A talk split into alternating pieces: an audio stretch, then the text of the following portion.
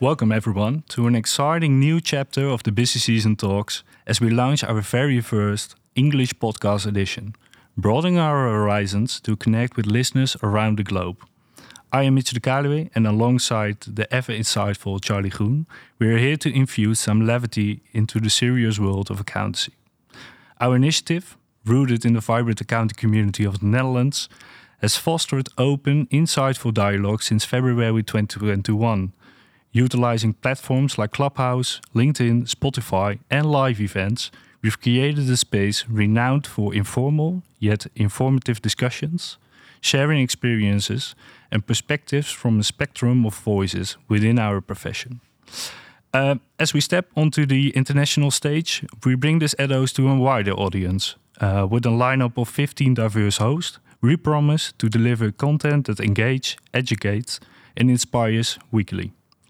Whether you're a student stepping into the world of finance or a seasoned auditor navigating through the complexities of regulations, or simply intrigued by the profession, Busy Season Talks is your new go to source for thought provoking content. Catch our conversations on Spotify, Apple Podcast, or your favorite listening app.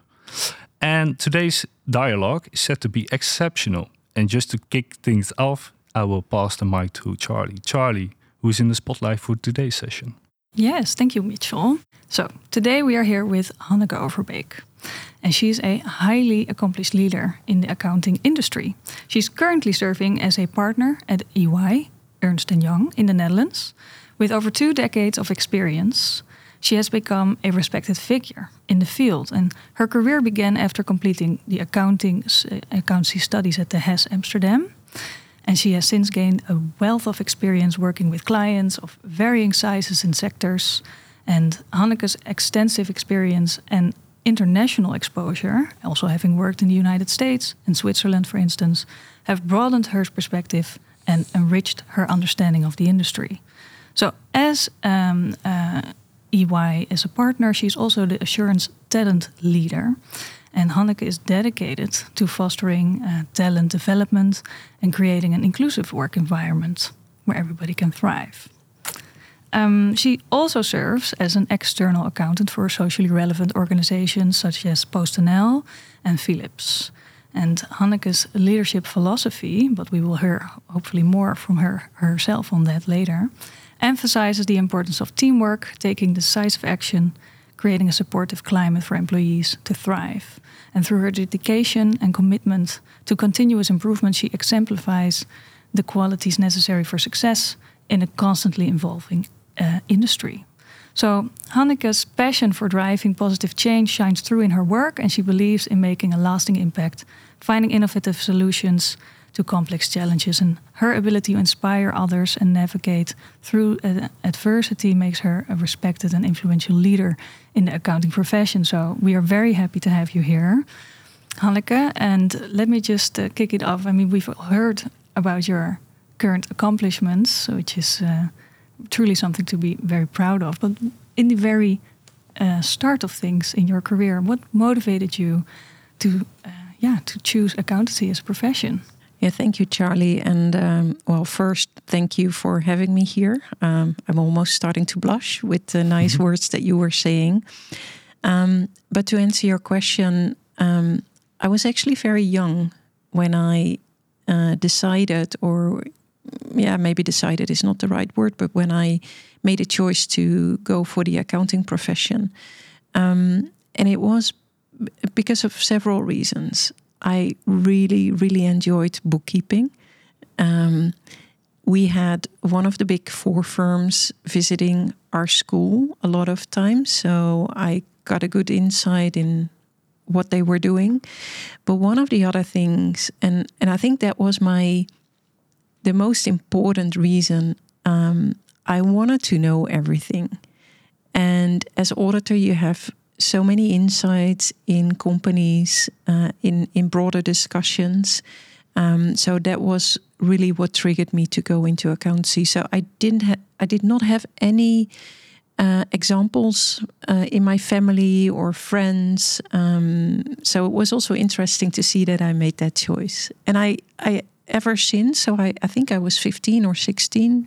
Wow. And I pursued the career ever since. So, and then your first day at the office, do you remember? What was it like? Well, maybe not my first day at the office, but um, especially my um, interview. I remember when I, and that was for an internship, um, and it it it was so personal, um, and that's also the reason why I chose for the firm that I'm currently working for for EY. Um, so, and and that's also what I've seen throughout my career: the support, the teaming uh, behind you. Um, that's what I really like also in the profession. And um, uh, it's very interesting that you choose for the accountancy because there was nobody nobody in the family that was already an auditor. Um, what what was your main experience in the first years as an auditor? What was specific challenges you had or most learned up? Yeah, I, I think you you learn a lot. You look in the kitchen of so many companies, uh, and when I started, so I started mainly um, being involved in some of the smaller companies. Um, but I also got the opportunity to do a lot of different activities. Um, so special reports. Uh, I supported by an IPO of a company. Um, so really a broad scale of activities, uh, but also learning a lot. And if you, what I found most difficult, and it, it's a difficult question actually also. Hmm. Um, but looking back at my career, um, you know, I, I had crossroads in my career. What am I going to do? Because I said at the beginning, I knew that I wanted to become an auditor or start in the audit profession. Um, but of course, I also had my crossroads, and and initially I thought I start within the audit profession to maybe later on uh, become an uh, CFO of an international listed company. That was initially my ambition for the future. Um, learning so much in the audit profession and I, I still learn each and every day. That's what I like and that's also wh why I stick. And I think what I found most difficult in my career was probably something uh, with myself. Hmm. Um, so not necessarily the environment, but more the um, sometimes struggles that you have yourself. Am I good enough? Can I do this? Am I up for the next um, promotion. Um, the questions probably a lot of us do have, mm-hmm. um, and you know, I, I, I always felt so many, so so much trust from the people around me uh, that I dared to take those steps, and every time to step out of my comfort zone and learn something new and grow in my career. Yeah, uh, thank you, Hanneke, for being uh, yeah vulnerable, and it's it's it sounds really familiar for me as well. Eh?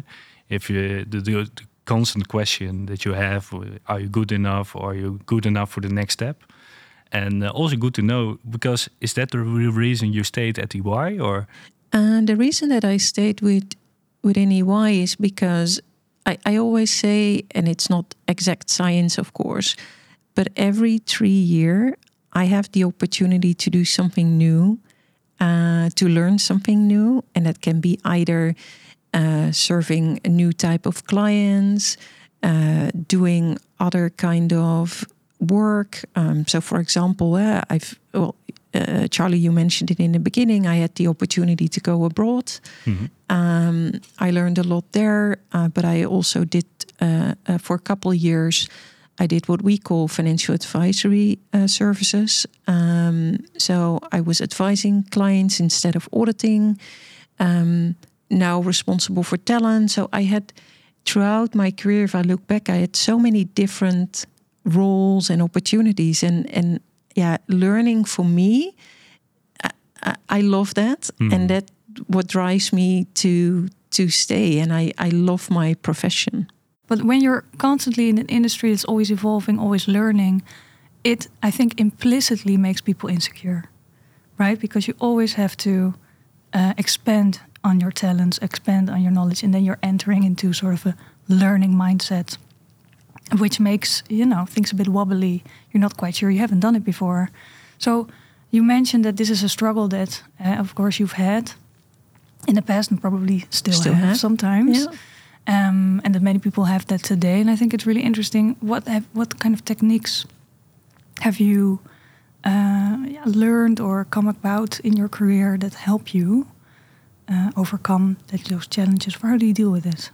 Yeah, I'm not sure whether there are te- techniques. Maybe maybe it is, but I'm not really aware of it. It's just, I, I think for me, it's a mindset. Like trying to do new things. I I love that. I like that. Uh, I can be very excited about new things. Um, so I think it's it's it's a mindset, but but also the other side, what I mentioned earlier. You're with a group of so many talented people. There are always people around you who know how to deal with it. So it's also about asking questions, daring to ask for help, eh, where we sometimes see it when you ask for questions that it's uh, eh, it's a flaw. You're not strong enough. You're not good enough. But it's it's actually a sign of strength. eh, Finding the right people around you who who can help you and support you. And yeah, I think that's that's most important. And and those people are there. I mean, we're a firm like like the other firms, a firm with a lot of people with a lot of knowledge in it. So the knowledge is always there, and and go out and find it. Find people who can help and support you to learn and to grow. Yeah, I think that's also a great quality of a leader to know when to ask for help and that that's not a sign of weakness, right? Because I think in society we have this image of the leader who always knows the way, who always has all the answers uh, for some reason. And uh, admitting that you don't know something could be, you know, a flaw then in your leadership. But for you, obviously, you've uh, already had that in you that you eh, sort of saw that this was not the case. It's okay to ask for help. It's actually necessary. I'm also curious in your career now that you have this position of uh, uh, leadership roles, um, also a role model yourself uh, within the industry. So how how do would you define your leadership style uh, in the coming like how is it grown over the years? I I would define it as being um, and I don't know the English pronunciation pronunciation exactly for it, but being a servant leader, so uh, dienend leiderschap in in Dutch. Um, and I hope also because that that's the way how I would like to be a leader. So I hope also that the other that the people around me see it as that. And what I mean by that is, um, what for me is very important. Um, I can have my point of view, and it's very easy to tell people we need to go left or we need to go right or uh, this is what we need to do. Um, but I there are so many people working with you who have on certain topics much more knowledge than you have as a leader and making sure you hear the suggestions the ideas listen to that and based on all the inputs and then you also get a little bit to diversity having the different point of views at the table and then making a decision that for me is true leadership um, am i always behaving like that uh, I wanted to say probably not, but I also know uh, know that that's not the case, and especially uh, if you're sometimes under pressure, you might act a little bit different. But for me, true leadership is is doing it in the way that I just described. Yeah, yeah and it's, it's very human to be if you have I- if you are under pressure that it's yeah not always the perfect picture. No, and sometimes you also need to make decisions. eh? Yeah. It's it's there is no time, and and I think finding the right balance there um, is important, and and also different times ask for different leadership styles. Yeah. Do you have a, maybe an example of uh, of this where you chose to be okay? Now I have to really be more directive, or actually the other way around. I need to have more diverse input before I can make a decision. How do you organize that? Yeah, I do. Um, um, when I was building the uh, uh, the practice here around financial accounting and advisory services, um, we we needed to make decisions, and that's also where people told me, "Hey, you're more directive. You're more telling than listening at the moment, and that that was, in my point of view, it was needed Hmm. at that point in time. Might be hard to hear at first. Yeah, mean- yeah, no, but it, it it was interesting because indeed that that was not the way um, how I necessarily looked at myself, but Right. I I did reflect on that um, because sometimes you uh, so we we do those uh, assessments. Uh, what kind what kind of person are you? Um, and then it also came out of that session that I was a driver, and and it was interesting because in all the previous versions, I never came out as a driver. Um, so probably when you're in particular situations, you adapt your style, how you behave, and I think that's what happened here. So I reflected on that, and I was like, okay, was that the best style at that moment? Um, I think it was needed to get somewhere, but then you also need to know when to. Uh, when is it no longer needed? When when it, does it no longer serve uh, purpose? And then adapt again. I think that's important as a leader, also that you can do that. Yeah. So yeah, I think you have a high f- uh, versatility in in that way. Is that a criteria from a great leader to be versatile among? have some situational awareness, sensitivity. Yeah, I think so. But yeah, that's my personal opinion. Yeah. Did you see already in the accountancy sector when you entered it uh, as a young woman? Did you already encounter that situational awareness, sensitivity, uh, flexibility in leadership styles? I think it grew over time. Hmm. Um, I think the situation when I started was totally different, and I I, I was thinking about it. Uh, what has changed over time? How have I changed over time? Uh, if I look back at my career, and especially maybe also around certain promotion dates, I think I flexed more towards uh, the the leadership style that we expected maybe from people and now maybe i'm a little bit back more to who i am who i uh, what i how i want to do it so yeah i think it was it was different uh, but the world around us is changing and is asking for different things Yeah. Yeah. So, how do you see the sector progressing in that sense? I mean, you serve as an example.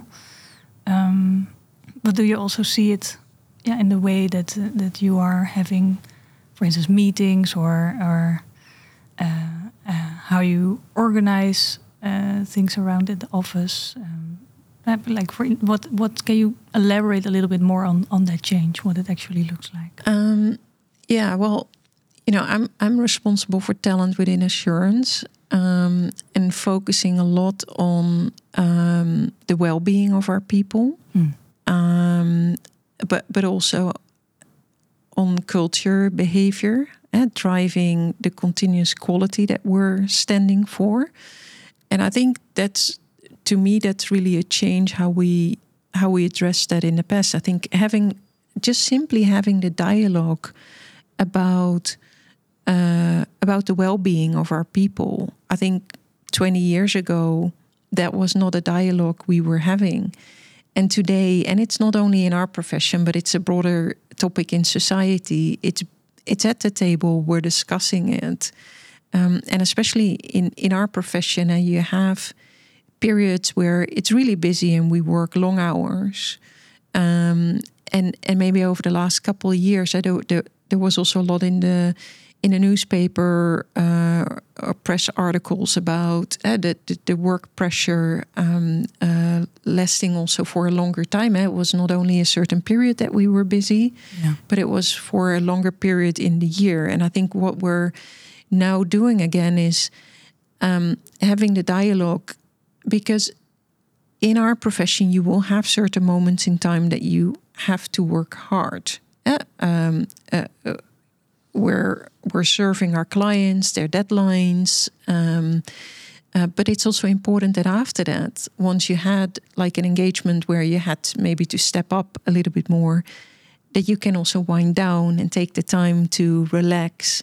Um, yeah, uh, uh, re um, recharge your battery again, uh, etc. And I think just being aware of that, having that dialogue with each other, and listen. What can we do to facilitate that. I think that's for me totally different than 20 years ago. I, I, I think I never raised when I started that I, you know, uh, uh, topics around my well being. It, it was just a given. You did what you had to do. Yeah. Um, and times have changed, as you mentioned. Also, the um, the market is, is different. I mean, the, the talent pool is uh, is not maybe as as um, big as it was back then. Eh? No, it's more no, scarce. Yeah, and I think it's it's also you see the decrease of students in in the accountancy students. So I'm I'm really interested in how how does it looks like the facil facilitating the option of yeah working hard in some period of the, of time and in the other period in the year that is more winding down. How how do you facilitate that within your organization? Yeah. So, for example, a, a couple of things. Uh, um, when I when I was not yet the talent leader, what I did for my teams, for example, so I I, I was responsible for some of the um, uh, listed clients that we uh, um, are serving, um, and then you know you have a period that's very very busy, uh, but then we all agreed once we signed off we had like a, a, a little celebration with each other, uh, just celebrating that we managed. Um, but then also um, uh, the people took a couple days off just to compensate and um, relax a little bit before you go into your next assignment. And in my current role, um, I, I also try to do it. We we implement it and we call it the free format hours. Um, but it's really like um, a day, a month, or it, it might be uh, implemented slightly different in each of the region, but that people can really have a certain period in time that they can do whatever they think they have to do. So, for example, I have a lot of smaller clients, there is a backlog, I need to get the backlog away. So, you have that time um, so you don't have already new clients scheduled, but you have the time to maybe catch up, or you can do your learning, or you know those kind of things uh, uh, to help. But mm-hmm. also look at learning. Uh, is all the learning now relevant for all our people that we're providing? Do we need to adjust? Um, and it's very easy to say, and it and you could think, okay, let's. Um, let's cut down on learning, but it's of course not that easy because we also have you know, we need to make sure that we're up to date with all the knowledge. Uh, but thinking about it and really looking at it and making sure that we do the right things, I think that that's the way how I currently try to facilitate that.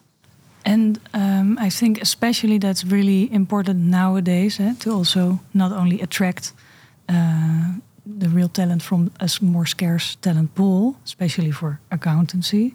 And also, if you look at uh, and some issues that we are having as a sector in that area to also maintain talent. And dus not just attract, but also to keep them in house, because there's obviously also, um, I think, a leaking pipeline, especially I think of, of women uh, and diverse talents, other diverse talents leaving the sector. How, what is your view on this? Yeah, maybe I, I want to split my answer in two because um, I'm dying to say that we have such a wonderful profession. Mm. Mm. Um, so for me, the attractiveness of the profession is is really something that is well hurting me is is a big word, but but I find it. It I, I would like to see that different um, because I truly believe we have a wonderful profession and a profession with a lot of flexibility as well if we want to and we can.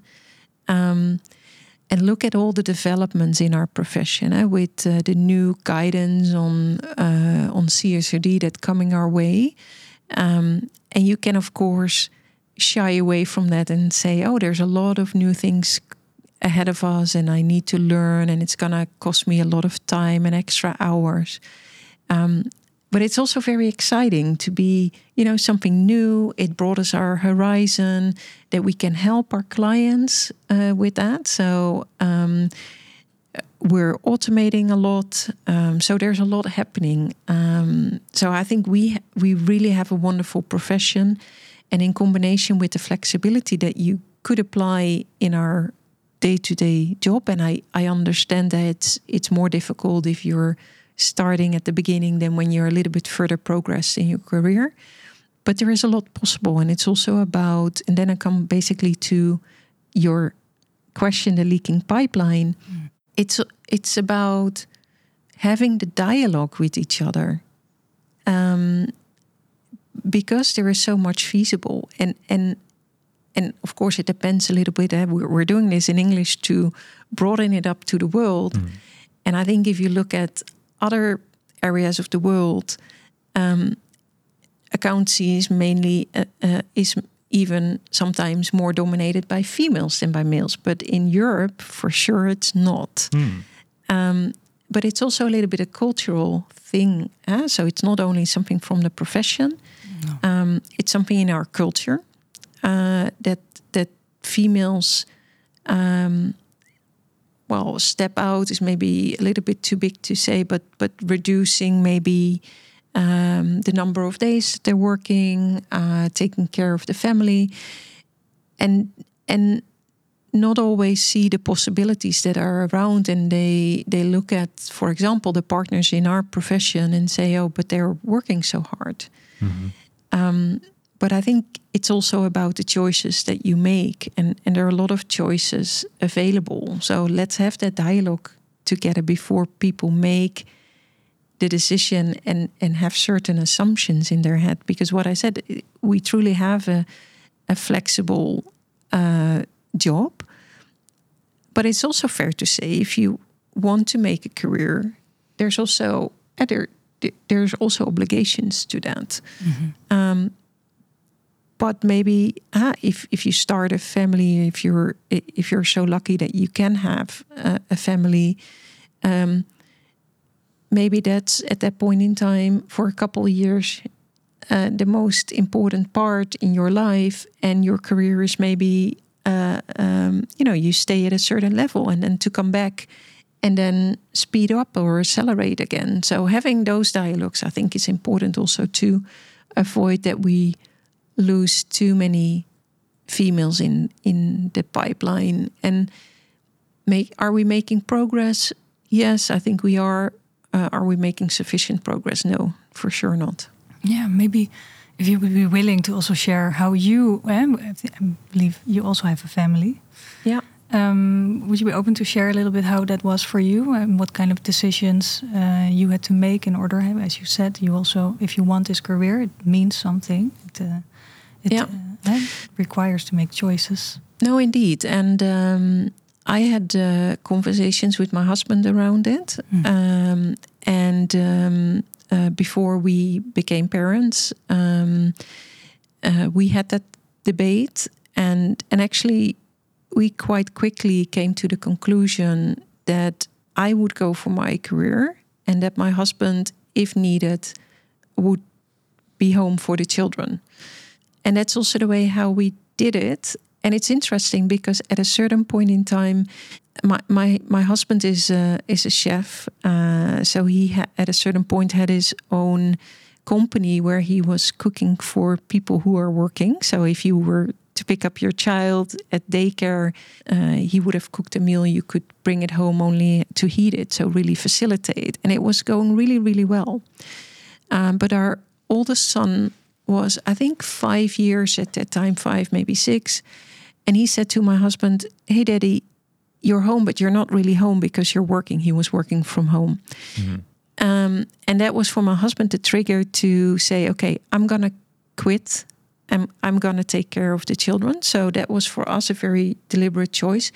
I remember that moment very, very well because I was like, What are you doing? Your company is going really well and now you're going to stop like you know overnight. Mm. um, that didn't fit in the way how i look at things and and the ambition that i have. But with hindsight i'm i'm so happy because it gave us a lot of uh, peace. And what i'm most proud of is yes he he stopped with what he was doing um, but he was going to do um, uh, charity work, a couple days of work a, a, week, and I think having the combination of me having the career here and he doing charity work, um, yeah, I think that just fits uh, with who we are and what we find important. So really working as a team there. Sorry, a little bit long answer, but um, uh, but but and and this is not the way how you how everyone should do it. But it's what I'm trying to say. It's it's about what suits you and and what kind of decision do you make and there's a lot feasible it can be either someone staying at home or having a nanny or daycare or whatever you wish and i think that's one of the things maybe that i also want to share with the listeners is that i was looked at quite often at the um, how do you call that the schoolplein um, at, at the schoolyard at, at, the schoolyard by the um, uh, by the teachers. Mm. Like mommy was not there that often. But I was like, okay, but my husband is doing a lot, a lot for school. So what's the difference? So mm. it's also society pressure that comes into play. It's, but I think yeah. we just should ignore that and do what you want to do. Yeah. Uh, thank you for sharing, uh, Hanneke, the, your personal story. Uh, I've I'm very curious because you say, well, it's it's possible to work less uh, in, in some points of time uh, in the year, but is it also possible to become an audit partner and working like four days a week with a strict calendar that you work from Monday to to Thursday? I think yes. for example. Yeah, yeah. I think I think yes, um, but it's also about the choices that you make. Hmm. Um, so I made the choice that I wanted to serve the listed companies. They have very tight deadlines and things pop up now and then, and then you need to be there. I'm I'm not saying that you cannot do that in four days. Mm-hmm. Um, it depends also about, of course, the the workload that you have. How many clients do you then serve? So make sure that your portfolio suits the days of work that you uh, the days that you work uh, because I can of course say I, I serve two or three clients but that's if that's full time of course I cannot work four days a week so make sure that that fits and I think that's feasible but it does require a certain flexibility because if as said we're a service provider and as things pop up you sometimes need to be there so let's assume the Friday is my day off mm-hmm um, I think nine out of ten you can make it work if your schedule is is adapted to that.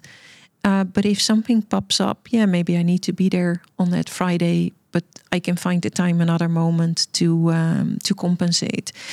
And yes, I don't work part time, but I worked with people who worked part time also on these big clients where actually, and and I want to give an example of a senior manager who became a mom um, um, when we were uh, already serving that client, and she was going to work four days a week.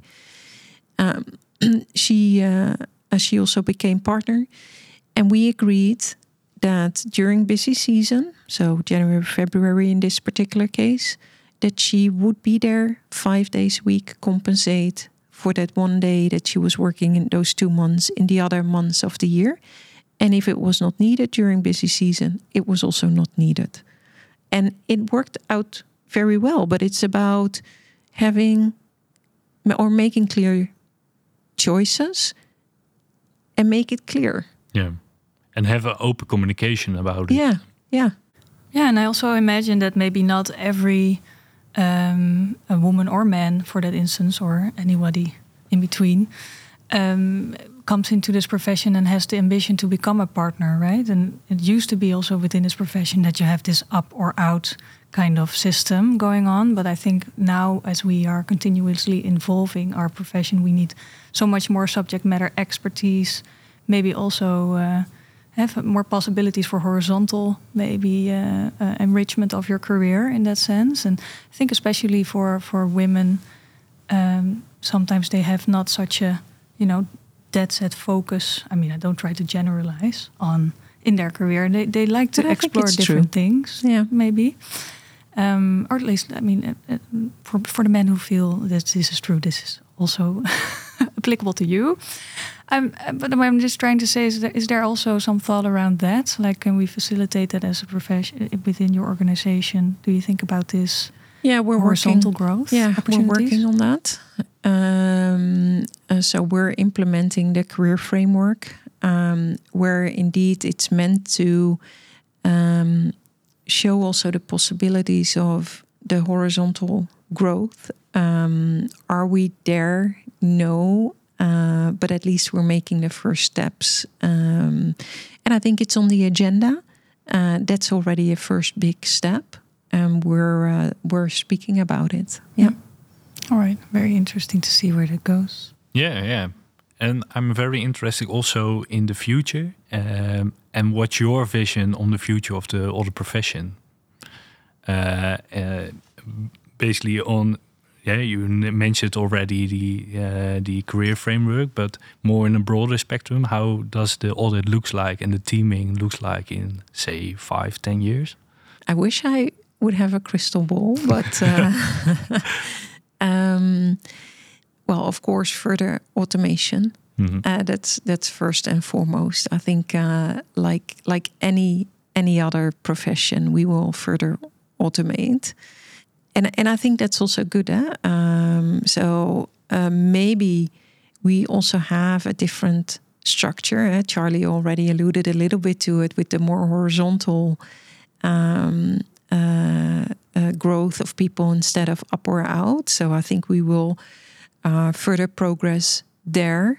Um, and I think one of the one of the things um, what what I find important. I was talking already a little bit about automation, but uh, I think we're we have very high skilled people within our profession. So uh, making sure that we're truly automate all the uh, more easy tasks. And we've done already a lot, but I think there's more to come. And with all the developments, also with artificial intelligence, I think definitely more steps to take, um, which also makes that we uh, truly become the persons who are looking at the, the more judgmental areas and, and add value there. So, um, and of course, with the shift to ESG, um, where we broaden our capabilities again and and stay relevant for uh, the entire community. Yeah, I really want to uh, move further along with this future uh, um, vision of yours, and also to maybe share some key lessons or principles for people listening or considering going into accountancy or already in accountancy and maybe struggling. Um, what what principles have guided yeah, your leadership journey and contributed to your success so far? And what can you share to them um, right now in this ever evolving environment, which is, what can sometimes feel a lot, right? I mean, you're very passionate about learning, and this is definitely, I think, a mindset that people uh, need in order to succeed within the accounting profession, uh, especially currently. But uh, for some people, it, it's it's still hard also to to to manage or to to get there. Also, what we talked about in the beginning, because it makes people insecure to try new things as well. Yeah, and yes, it does. I can imagine that. Um, we of course, or we already discussed a little bit about teaming. Eh? So mm. you're you, and I think that's that's really important. I mean, I'm I'm not sitting where I sit today only because of myself. It's about the people who supported me, uh, the people who believed in me, uh, and I had I had a few, and and maybe I should even say many people who, who really helped me and supported me along my journey in in this sector and and within this firm, and it it has it were different people over time. Ah, so, for example, um, and and Charlie, you alluded to it already, and you made it a little bit a gender issue. I'm not sure whether it's a gender difference, but um, I accepted that I once had a had a vision that I wanted to become a CFO of an international listed company. Um, um, when I started within EY, I never had like, oh, I want to be there in five years from now. I want to do that in 10 years from now. Um, but I was supported by people along my journey. So, for example, when I started working after a couple of years, one of the partners that I was working for was asking me, um, Don't you have a desire to go abroad? And to be honest, I never thought about it. So, and I was like, oh, yeah, interesting idea. And and I started thinking about it and I did it. And so there are many people in my career who inspired me to do something or to take a step. And in the end, you need to do it yourself. Eh?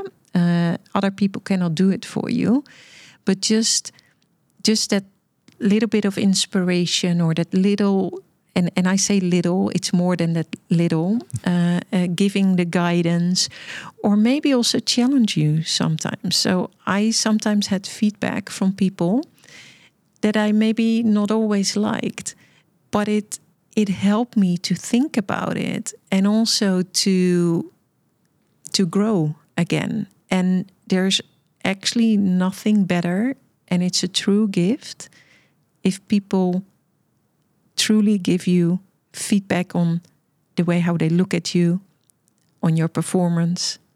Because yes, it's not always nice to hear, hmm. um, but it helps you to address it and to to grow. Um, yeah, so absolutely, I think feedback is is essential, and there's also this. Um, I think with the newer generations entering the workforce, there's a sort of a new desire also around how to receive feedback. Uh, and we want to have a safe working climate. That's a big topic, I think, for many uh, uh, young, but also still uh, older and older generations, of course, want a safe working climate. But it seems to be uh, something of it, it has a different content nowadays to it, which I think this feedback and also that it feedback give, getting feedback eh, sometimes can be a little bit uncomfortable, like you mentioned. And sometimes people can interpret can make them feel maybe unsafe or very insecure, and they sort of tend to avoid it. And also, people tend to not give it, give their straight feedback because they're so afraid that people will then maybe leave their teams, for instance, eh, right? Because yeah. we have and we want to keep the relationship good. Absolutely, we yeah. want to uh, yeah, yeah, not be liked I think everybody wants to be liked, and we are social animals. So of course, our relationships. Sometimes it feels like uh, like something of a survival mode that kicks in when uh, there's a struggle or you experience some conflict of any kind. So, what do you, do you have some examples of how you encourage uh, this culture of just openly giving and get, and receiving feedback in a way uh, that doesn't necessarily well that leads to learning uh, instead of uh, shying away from it, um, avoiding it, and and so on. Yeah, we're doing a multiple multiple things actually. Um, so we're focusing a lot on culture and behavior, and we identified uh, ten behaviors within our organization uh, that we're focusing on, um, and it's really meant to um, to learn, to be a learning organization, um, and if you truly want to be a learning organization, you need to have a safe environment. And you need to have people who are open minded and stimulate for growth. Um, those are the three areas that we're really focusing on, and the, the 10 behaviors that we've identified. Uh, it's about um, it's about listening, truly listening. Um, so, what are you saying to me? Um, and also, uh, listening is not only hearing it, but also um, addressing it. Um, so that, uh, but also speaking up. So, speak up what's on your mind. So, truly try to create a culture where we address observations, um, uh, but also, for example, uh, uh, dare to innovate. So there are multiple um, behaviors that we're focusing on to stimulate that. Furthermore, we're also focusing a lot on the counselor role uh, because not everyone is intrinsically motivated to be a counselor. And I think it's important, the right counselor is important. Uh, I think I've been blessed with the counselors that I have along my journey. Uh, always people who helped me, or at least inspired me to take the next step or to grow. Um, and I think that's also so important. And and and it's it's also about how do you ignite this conversation eh, about giving feedback. It there's also a way how how to give feedback. You can be very ruthless, uh, but you can it also in a very um, yeah supportive or a good way with the right intentions. And I think that's also what we're focusing on. So how do you give feedback to people? you have examples in your for yourself of a time that you've received really bad feedback but still were able to maybe learn from it? I think in the end we cannot control how other people give our feedback. Of course, we can give feedback about the feedback, mm -hmm. but yeah, I mean, um, and, and I think it's really good yeah, and do you mean bad feedback, like that the feedback the sense, is bad, or harsh feedback? Well, I mean, yeah, that's also a difficult way to to understand. Sometimes people say something about your functioning, and you're like, "Well, I thank you, but no thank you. Sometimes yeah, no, and that can also be the case. But sometimes there are also very good things in it. Yeah. And yeah, I have, um, I have um, actually internally, but also once from a client, which really was not nice. Mm. Um, but I was happy that it was shared. And and let me give you um, the uh, the internal one. Um, and it's maybe uh, some people might recognize themselves in it. When I started working at EY, and maybe the first 15 years, um, um, I was not a person to step on the stage. I did my job uh, and I wanted to do a good job, and that was important. Um, and what I didn't like within the firm uh, or just in general, that there are people who are always, um, well, I, I call it shouting out, but that that's that's my perception. But are always telling how great they are and what they have accomplished, etc., etc. And I I was talking to my counselor about that because he said, "Hi, Hanneke, you're not that visible." Mm. Mm-hmm. Um, and I was like, hey, you know, I don't like to be that person who's always shouting, but content wise is not doing what he or she needs to do. And then he made a comment and he said, Are you not jealous? And honestly, I was so, so mad when he asked me that question. But but again, um, he he got me thinking because initially I walked away and I was like, "What? This is a stupid question." Yeah. And um, but then I realized, and I was like, "Yeah, maybe he has a point.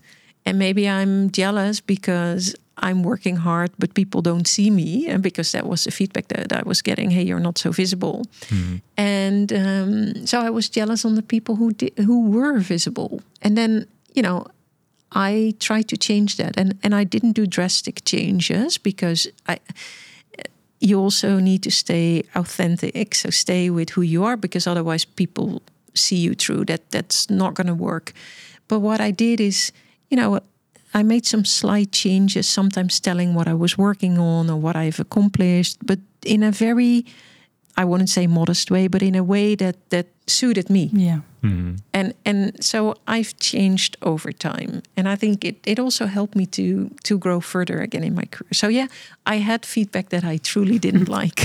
I think that's a great example, actually, of how you can also learn in this in these big organizations in accounting firms because it's su- it's such a huge organization. There's so many people who can hold up a mirror to you and you have all this time this opportunity to learn from that feedback and to then decide okay what is then my authentic way of working in this environment and uh, finding your own voice and yeah. Yeah and sometimes what you see in the mirror can be something ugly and sometimes you like it but in the end it's your choice what to do with it. So thank you so much. That's really insightful yeah. learning. And see it as a see uh, how difficult it is see yeah. it as a gift. Yeah. Yeah, yeah. And with that, I think we are at the end of the program. Uh, and many of our audience are just young students or yeah, freshmen in, in the audit firms. Uh, what would be your advice for them? go for it. it's uh, just open up. Don't be don't be shy or don't be afraid for all the developments. Um, there's so much support. I think it's a it's a wonderful opportunity to grow, to learn. Um, whatever, whenever you or whether you're going to stay within the audit profession or whether you're going to move into the business uh, after a couple of years, I think it's a it's a perfect opportunity to see a lot, to learn a lot, and um, develop yourself to become a, a, future leader in finance, wherever you want to go. Thank you, and thank you for this wonderful uh, first uh, edition uh, in English. Uh, Charlie, do yeah. you have some last words? No, well, just uh, astonished by uh, how easily it went. so the time flew by. So thank you so much, Hanneke, also for your openness and sharing from your own experience. I think that's uh, that should provide for a, a nice listen. Yeah, thank you. See you next time.